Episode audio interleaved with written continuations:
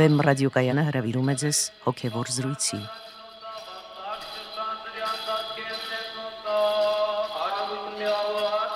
Սիրելի ունկնդիրներ, Վեմ ռադիոկայանի եթերում են արժանապատիվ Տեր Մեսրոպ Քահանա Արամյանը եւ Արա Սարգսակ Նալչաջյանը։ Այսօրվա մեր զրույցը Բամբասանքի մասին է։ Օրհնեցեք Տեր հայր։ Աստված օրհնի։ Տեր հայր, Բամբասանքը այն տարածված ճարիքներից է, որի դառը պտուղները այս կամ այն չափով ճաշակել է թերևս ամեն մարդ։ Բամբասանք կոչվող մեղքը կարող է ավերիչ հետևանքներ ունենալ, թե բամբասողի, թե նրա համար, ում դեմ ուղղված է այդ բամբասանքը եւ թե բամբասանքին ականջ դնողի համար։ Ոստի եւ եկեղեցու հայրերը բազմիցս զգուշացնում են մեզ բամբասանքից։ Մեր թղթակից Նոեմի Անդրեասյանը մարդկանց հետ զրուցել է բամբասանքի մասին։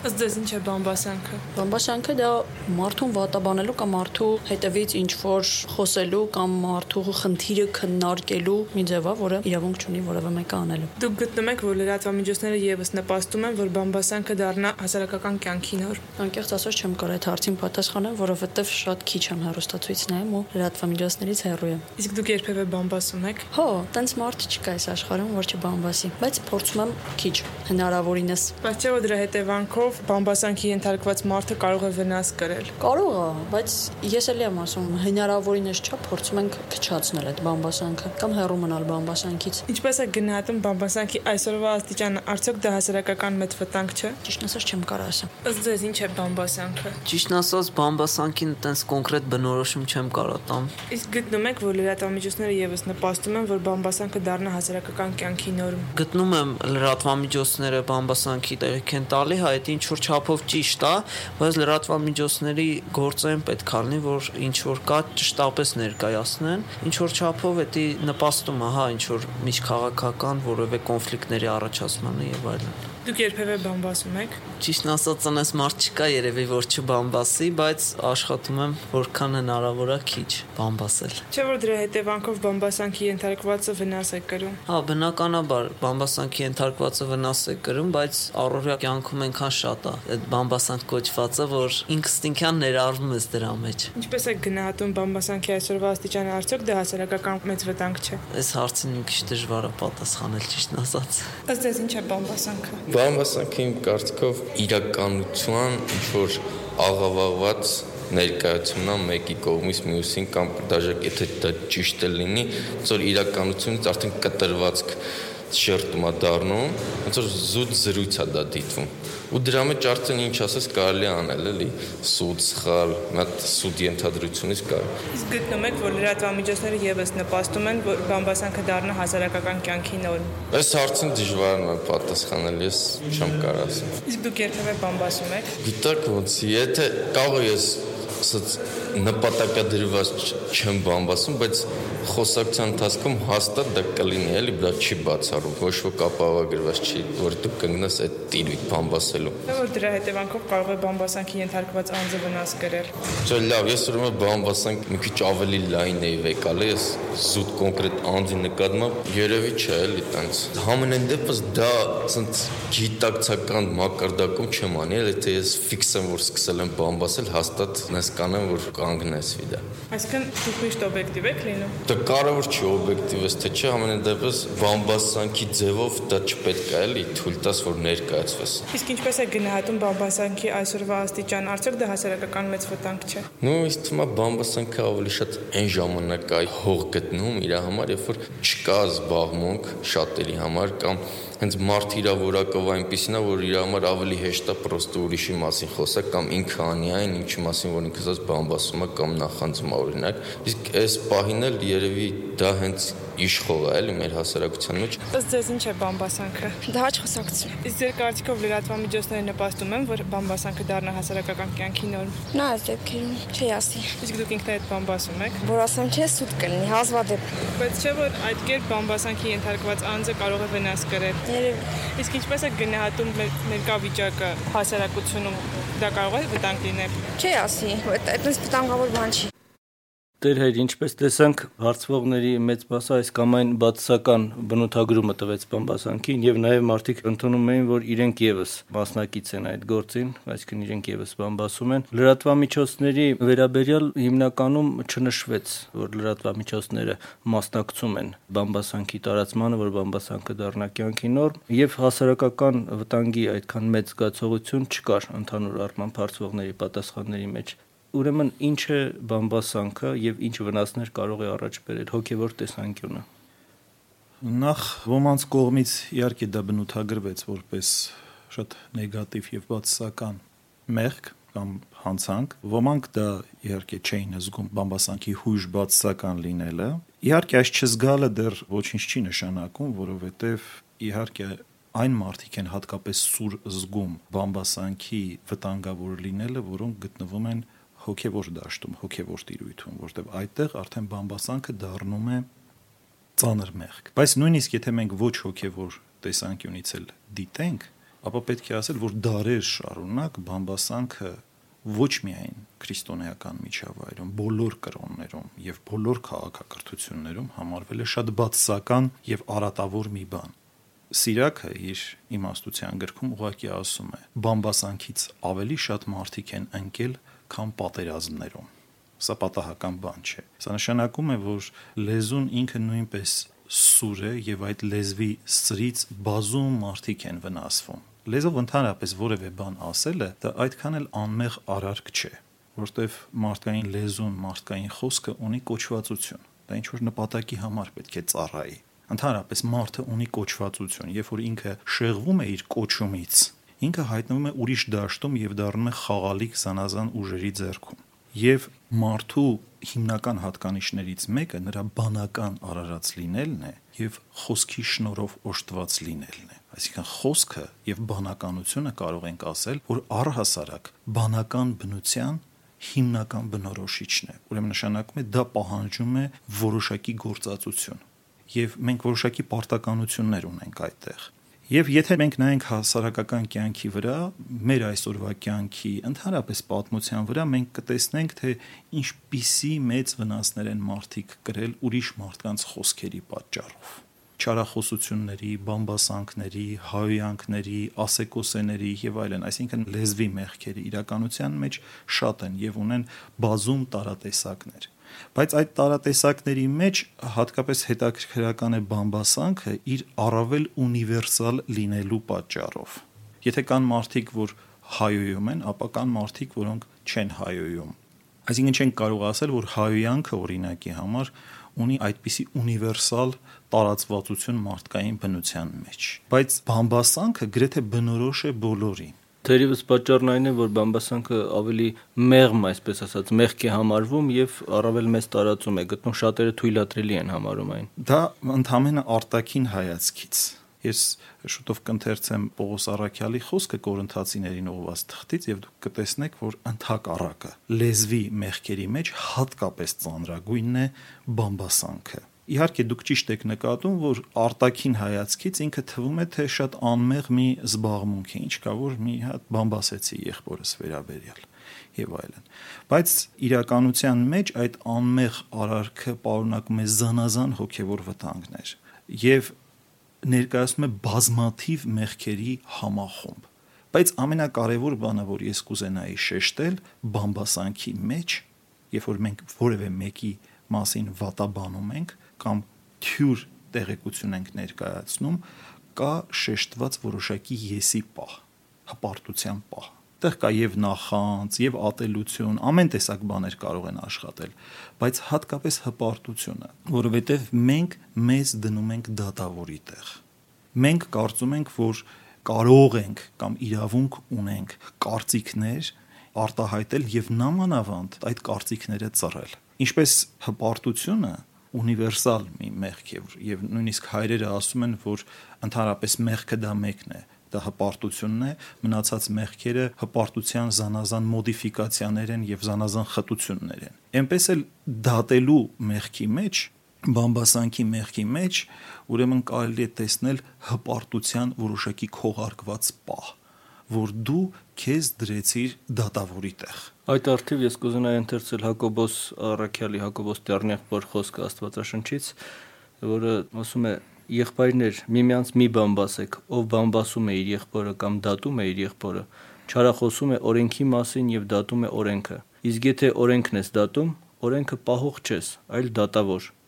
կամ մեկ օրենսդիր եւ դատավոր, որ կարող է փրկել եւ կործանել։ Դու ով ես, որ դատում ես քո մերձավորին։ Եվ նաեւ մենք պետք է հիշենք, որ Լեռան քարոզում նույնպես շատ խիստ կերպով ասված է եւ առանձնացված կերպով է Տերը ասում՝ մի դատեք, որպեսի չդատվեք, որովհետեւ ինչ չափով որ դու դատեցիր քո եղբայրներին, նույն չափով էլ դու ես դատվելու, որտեվ քո եղբոր մեջ իրականության մեջ դրված էր Աստծո պատկերը եւ նմանությունը։ Եվ դու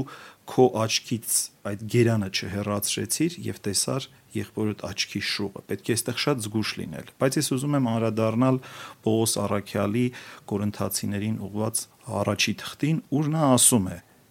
Եթե եղբայր կոչված մեկը pornik լինի, կամ կռապաշտ, կամ ագահ, կամ բամբասող, կամ հարբեցող, կամ հապշտակող, այդպիսի մեկի հետ հացել չուտեք։ Ինքը հաջորդ գլխում ասում է. Չգիտեք, թե անիրավներն Աստծո արխայությունը չեն ժառանգում։ Եվ այնուհետև Պողոս Արաքյալը մեկնաբանում է, թե ովքեր են անիրավները։ Մի խափվեք, ոչ pornikներ, ոչ կրապաշտներ, ոչ շնացողներ, ոչ իգացողներ, ոչ արվամոլներ, ոչ գողեր, ոչ ագահներ, ոչ հարբեցողներ, ոչ բամբասողներ եւ ոչ էլ հապշտակողներ Աստծո արխայությունը չպիտի ժառանգեն։ Այստեղ շատ որոշակի մեղքերի ցանկ կա եւ Պողոս Արաքյալը ասում է, որ այսպիսիները Աստծո արխայությունը չեն ժառանգելու։ Եվ այս ծանր մեղքերի շարքում դրված է նաև բամբասանքը որը արտաքին հայացքից, եթե համեմատելու լինենք, ասենք արվամոլության կամ կրապաշտության հետ, շատ թեթև հանցանք է թվում, բայց Պողոս Արաքյալը այս ծանր մեղքերի շարքում նաև դրել է բամբասան։ Ուրեմն նույն շարքի մեջ է նույն շարքի մեջ, ասում է, որ բամբասողները չեն ժառանգելու Աստծո արխայությունը։ Եվ ինքը դնում է որոշակի շարքի մեջ։ Հովան Մանդակունի հայրապետը իր բամբասանքի մասին ճառում շատ հետաքրքրական մեկնաբանություն է տալիս Պողոս Արաքյալի այս խոսքերի։ Ինքը ասում է, որ մեկը շնանում է, մյուսը բամբասում, երկուսն էլ հավասար անօրենություն են գործում։ Մեկը գողանում է եւ մյուսը բամբասում, երկուսն էլ նույն պատուհասն են ընդունելու։ Մեկը արփենում է, այսինքն խմում է, մյուսը արփեցողին բամբասում է եւ նույնպես նրանք պետք է դատապարտվեն։ Այնուհետև ինքը շարունակելով այս միտքը ասում է, որ եթե քո եղբայրը որևէ հանցանք է գործել եւ դու նրան այդ հանցանքի համար բամբասեցիր, ուրեմն դու հավասար պատիժ ես կրելու։ Այսինքն դու գողին հավասար գող ես դառնում, արփեցողին հավասար արփեցող, շնացողին հավասար շնացող։ Ուրեմն սա նշանակում է, որ մենք ոչ միայն պետք է ջանանք զգուշանալ հերու մնալ այս ծանր մահացու մեղքերից, ասենք օրինակ շնությունից, այլ նաև պետք է ջանանք չդատապարտել այդ շնությունը գործողին։ Եկեղեցու հայրերը ասում են դատապարտիր մեղքը, բայց ոչ թե մեղքը գործողին, որտեվ հենց որ մենք անznական դատապարտություն դրեցինք, դա նշանակում է, որ մենք որոշակի դատավորի իրավիճակում հայտնվեցինք եւ որ ամենասարսափելին է, մենք մեզ համարեցինք առավել արդար եւ մի տեսակ արհամարական կերպով մեր եղբորը դատապարտեցինք գեհենի կամ այսպես ասած հասարակական པարսավանքի ներկայացրեցինք մեր եղբորը եւ դրանով իսկ մենք եղանք նույնքան հանցապարտ այդ մեղքի համար որքան որ մեր եղբայրը Գրիգոր Տաթևացին շատ հետաքրքրական համեմատություն է անում բամբասանքի մասին իր ճառում։ Ինքը ասում է ինչպես որ կա ֆիզիկական գողություն, նյութական գողություն, այնպես էլ կա հոգևոր գողություն, բամբասանքը նմանեցնելով հոգևոր գողությանը։ Եվ վերջո ինչ է ասում է ամենաբարձր բանը, որ մարդը ունի այս աշխարհում, դա իր անունն է եւ բամբասանքը նշանակում է մարդու բարի անունը գողանալ որը ինչպես Աստվածաշունչն է ասում, առավել է, քան ոսկին ու արծաթը։ Իհարկե։ Եվ Տաթևացին ասում է, որ թեպետ գողությունը շատ ծանր մեղք է ընդհանրապես, բայց ասում է գողության դիմաց կարելի ապաշխարել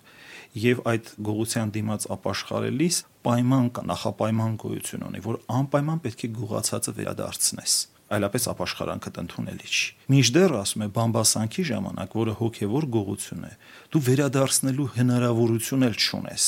որտեվ եթե վերադարձնեիր, ավելի դյուրին կլիներ քո այդ մեղքի ներում ստանալը, բայց դու արդեն քո չար գործը կատարել ես, կործանել ես այդ մարդուն, կամ այդ մարդը բանտում է,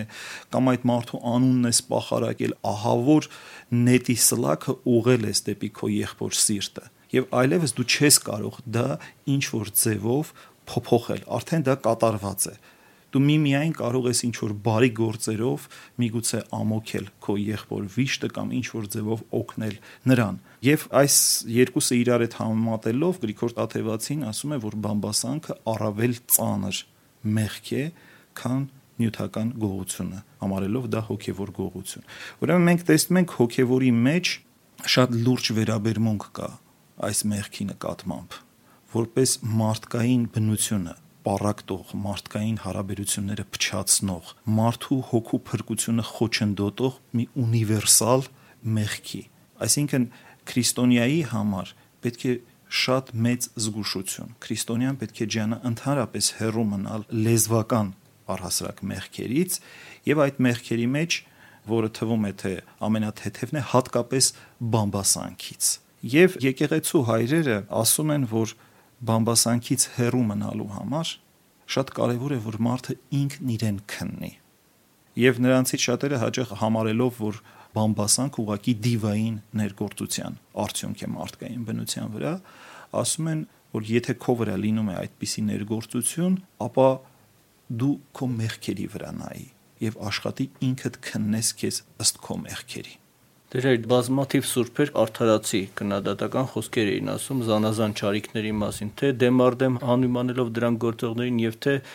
նրանց բացակայությամբ երրորդ մարդկանց ներկայությամբ համապատասխան գնահատականներ էին տալիս այդ օրինակարարքներին եւ դրանք համարվում էին բարի խոսքեր։ Ուրեմն ինչ է բամբասանքը այս առումով եւ ինչպես այն տարբերել ճարիքը մերժող արդարացի խոսքերից։ Որն է տարբերությունը, ջրբաժանը։ Բամբասանքի մեջ կա քողարկվածության պահ անպայման միշտ լինում են այդպիսի դեպքեր, երբ որ պահանջվում է արդար դատաստան, նաև երկրի վրա։ Բայց դա պետք է լինի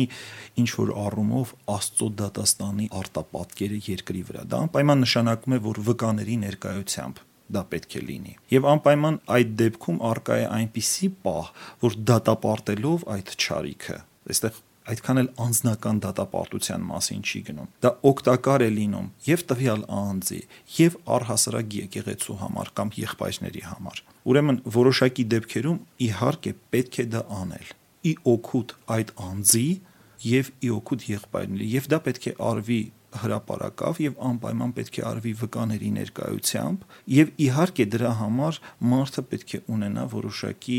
տրվածություն դա անելու։ Տեսեք, խոսում ենք մենք սուրբերի մասին եւ Պողոս Արաքյալն էլ իդեպ նույն կորինթացիներին ուղված թղթում ասում է. «Չգիտեք, որ սուրբերն են դատելու աշխարը»։ Այսինքն Աստված նաև իր դատաստանը իր սուրբերի միջոցով է կատարելու, բայց սա արդեն Աստծո դատաստանն է եւ սա Աստծո կողմից տրված բան է եւ ոչ թե մարդկային, այսպես ասած, ինքնագործունեության արդյունք։ Պետք է զգուշանալ այս բաներից։ Եվ միմիայն այն դեպքերում, երբ որ այդ ճարիքը իսկապես վտանգ է ներկայացնում ոչ միայն տվյալ անձի, այլ նաեւ ուրիշների համար, կարելի է դա անել։ Բայց արդեն բամբասանք չէ, սա բամբասանքից դուրս մի բան է։ Բամբասանքը ենթադրում է, երբ որ մեկի մասին ներկայացնում ես թյուր կամ ծուր կարծիք, որոշակիորեն նրան դատելով, այսինքն բամբասանքը անպայման չի որ դատել լինի դա դատելու վատ տեսակն է այսինքն ոչ թե դու դատում ես միայն այդ մարդուն այլ նաև ծռում եւ փոփոխում ես այդ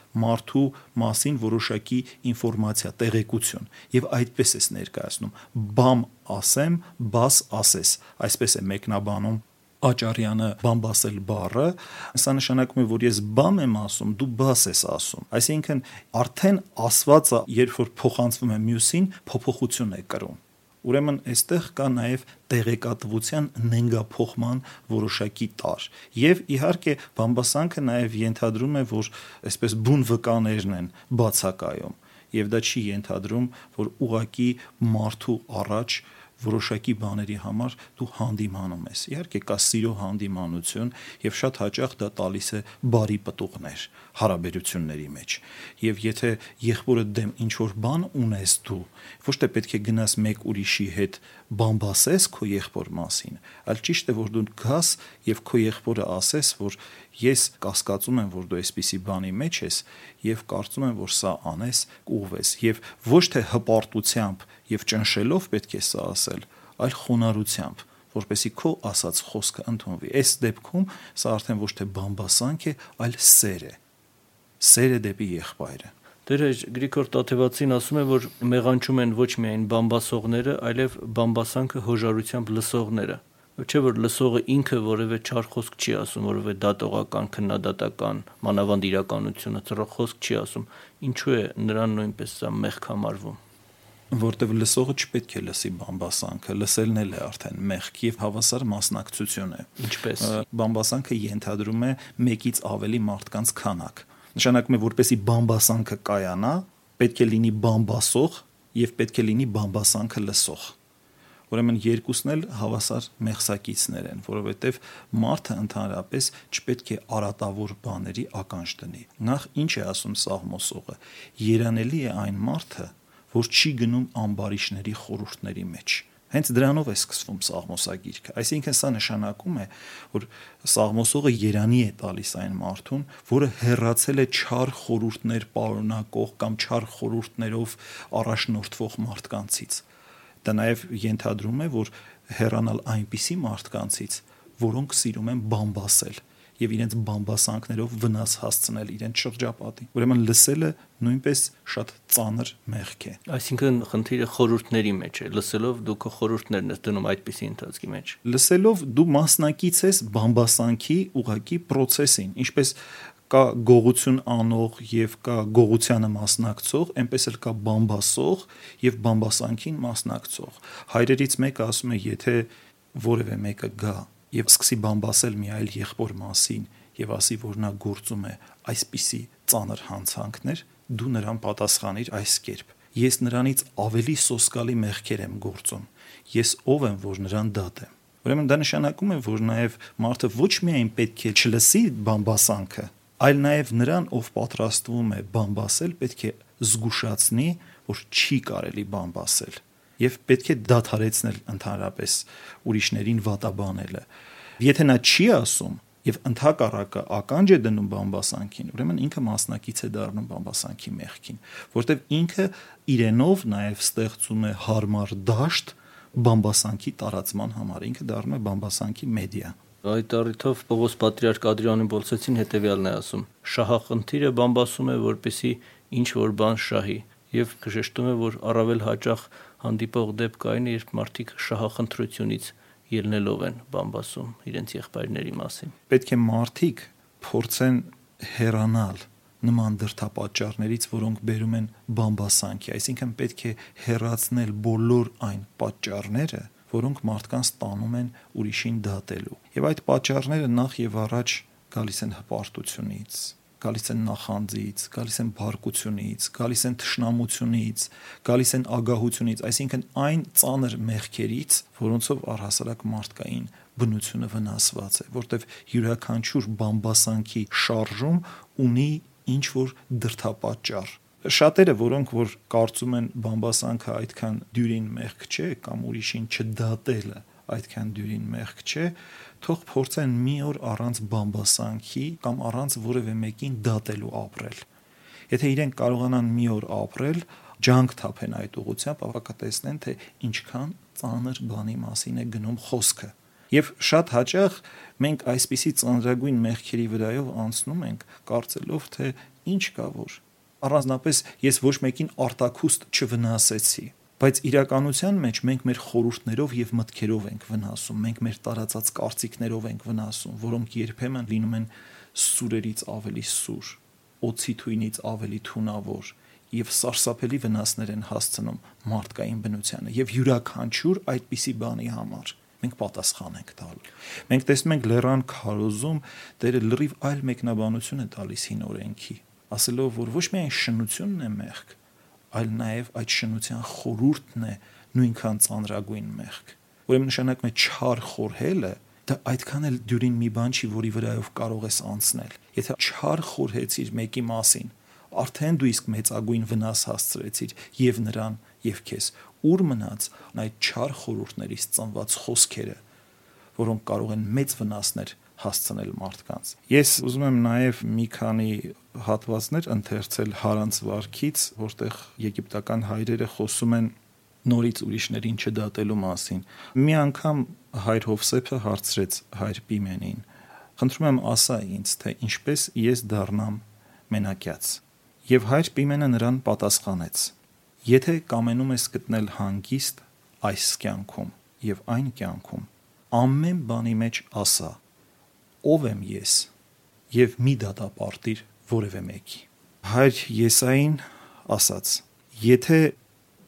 քեզ այցելի մի խորուրդ որևէ եղբորը դատելու, դիր քո մեղքերը քո առջև եւ այն ինչ որ որ քեզ թվում է թե հաճելի է կամ բարի էր քո կողմից կատարված, ասա միգուցե այն հաճելի չէր Աստծուն։ Եվ եւս մի արտահայտություն եգիպտական հայրերից, ուրեմն մի անգամ հայր Պապնոտիոսը ասաց. Ես հարցրեցի հայր Մակարիոսին եւ ասացի. ասա ինձ մի խոսք, որով ես ապրեմ, ով հայր։ Իսկ նա ինձ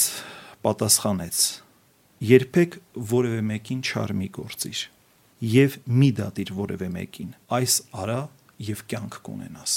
ուրեմն մենք տեսնում ենք որ նաեւ հոգեվոր ճկնակյացության մեջ ճկնավորական այդ կյանքի մեջ որևէ մեկին չդատելը եւ բամբասանքներից հեռու մնալը համարվել է կարևորագույն սկզբունք կարևորագույն սկզբունք եւ ընդհակառակը դրա փոխարեն պահանջվում է արդեն միայնակյացից ճշմարիտ ինքնակնություն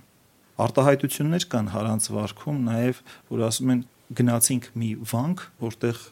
եղբայրներ էին ապրում շատ լուսավոր կյանքով եւ նրանց հարցրեցինք թե ինչն է ձեր այս լուսավոր կյանքի պատճառը, որ դուք հասել եք հոգևոր այսպիսի բարձունքի, միգուցե դուք ինչ որ աղոթքի հատուկ կանոններ ունեք կամ ինչ որ շնորներ ունեք հատուկ։ Եվ ասում է եղբայրները պատասխանեցին եւ ասացին. մենք ով ենք որ աղոթենք։ Մենք առայժմ աշխատում ենք որևէ մեկին չդատել։ Ուրեմն մենք տեսնում ենք, որ որևէ մեկին չդատելը, այսինքն այս կատարյալ անհիշաչար վիճակը մարդկանց մոտ բերում է ինչպիսի հոգևոր սրբության աստիճանի ըստ Սուրբ Գրիգոր Տաթևացու մարդկային բնության պակասություն է, եթե մեկը գրեհիկ չար խոսք ասի մեկի մասին եւ 10 մարդ վկայեն թե սուտ է, առավել այն չարախոսին են հավատում, ասում է։ Եթե այդպես է, ապա մարդիկ կարող են հաջողությամբ առաջ գնալ իրենց համար անցանկալի մարդկանց մասին չարախոսելով կամ մարդկանց աչքին նրանց դարձնելով մերժելի կամ իրեն կամ իրենց նախընտրած մարդուն առաջ մղել կյանքում։ Եվ այս կերպով կարելի աթոռներ գրավել, իշխանության ասնել, իշխել այլ մարդկանց վրա, եւ նաեւ սրա հետ է կապված զանգվածային լրատվամիջոցների խնդիրը, որի մասին հարցում կար մեր ռեպորտաժի մեջ։ Եվ սա իրոք աշխատող մեխանիզմ է այդпիսով շատերը ինչ-ինչ հաջողությունների հասնում են եւ լրատվամիջոցների միջոցով նույնպես։ Ինչպես է, որ այս ճարիքի տարածման ճանապարհը փակված չէ։ Սա նախ եւ առաջ գալիս է նրանից, որ ինչպես արդեն ասացինք, մարդկային բնությունը վնասված է չարով եւ մարդկային կամքը դարձել է խիստ մեղսահակ։ Այսինքն մարդկային բնությունը հակված է դարձել դեպի չարիքը։ Հենց դա է պատճառը, որ մի բամբասողը կարող է բամբասել եւ վատ լուր ասել եւ դու դրան կարող ես հավատալ եւ ընդհակառակը 10 հոգի կարող են բարի վկայել, բայց արդեն դա քեզ համար արժեք չունի։ Եվ սա շատ լավ հասկանում են արդեն բամբասանք տարածողները։ Ասում են բամբասանքը մեղ է, որ երբ նույնիսկ հանում ես, անցքը մնում է։ Իհարկե, ինչ-ինչ նպատակներով արդեն բամբասանք տարածողները։ Դա լինում է եւ քաղաքական ասպարեզում, եւ տնտեսական ասպարեզում, հասարակական կյանքի այլ ոլորտներում։ Այսինքն կան նաեւ մարդիկ, որոնք տիրապետում են բամբասանքի տեխնոլոգիաներին, եթե կարելի է այսպես ասել, այսինքն ինչպես կարելի է մրոտել այս կամ այն մարդու անունը ասեկոսեներ տարածել, այնպիսի ուղիով դա տարածել, որ առավել հավանական թվա եւ այլն եւ այլն։ Եվ իհարկե նման օրինակ մարդկանց մեղքը ել ավելի ծանր է, որտեղ իսկապես մարդիկ կան, որոնք չգիտակցելով տգիտաբար են բամբասում, բայց կան նաեւ մարդիկ, որոնք ոչ թե տգիտաբար են բամբասում, այլ բամբասում են որոշակի նպատակների հասնելու համար։ Այսինքն ծրագրավորված մարդուն ոչնչացնելու, մարդու անունը մրոտելու եւ դա անում են արդեն որոշակի շահադիտական նպատակներով։ Սա արդեն գեր ծանր մեղք է եւ շատ մեծ ապաշխարությամբ մարդը կարող է ազատագրվել այսպիսի մեղքերից։ Եվ ցավոք սրտի այս բամբասանքների տարածման տեխնոլոգիաների մեջ նաեւ իրենց դերակատարությունը ունեն լրատվամիջոցները, որոնք շատ հաճախ չստուգված լուրեր են տարածում, որոնք շատ հաճախ օբյեկտիվ ինֆորմացիա փոխանցելու փոխարեն զբաղված են կարծիքներ արտահայտելով եւ շատ հաճախ միտումնավոր կարծիքներ որը եւ նամանավանդ նկատի ունենալով թե ինչպիսի տարածվածություն ունի արդեն լրատվամիջոցներով արտահայտված խոսքը ուրեմն կարելի է հասկանալ թե ինչպիսի վնաս են հասցնում լրատվամիջոցները երբեմն մարդկանց անվանը եւ պետք է շատ զգուշ լինել եւ լրատվամիջոցները պետք է իրենց ճիշտ չափի մեջ փոխանցեն ինֆորմացիան եւ ոչ թե տենդենցիոզ մեկնաբանված եւ նամանավանդ խեղաթյուրած եւ ծռմռած ինֆորմացիա փոխանցվի մարդկանց բայց շատ հաճախ սա կատարում է եւ մեզանում եւ ամբողջ աշխարհով մեկ հատկապես երբ որ ասենք ընտրությունների են վերաբերում խոսքը ամբողջ աշխարհով մեկ կա տարածված ընտրական տեխնոլոգիաներ հասկացողությունը եւ ընտրական տեխնոլոգիաներ հասկացողության մեջ մեծագույն դերը վերապահված է մամուլին եւ լրատվամիջոցներին եւ այդտեղ շատ հաճախ գնում է շատ ախտոտ պայքար նպատակին հասնելու համար Շնորհակալություն Տեր հայր։ Թույլ տվեք սրանով եզրափակել մեր այսօրվա զրույցը բամբասանքի մասին։ Սիրելի ունկնդիրներ, իմ զրուցակիցն էր արժանապատիվ Տեր Մեսրոպ Քահանա Արամյանը։ Օրհնեցեք Տեր հայր։ Աստված օրհնի։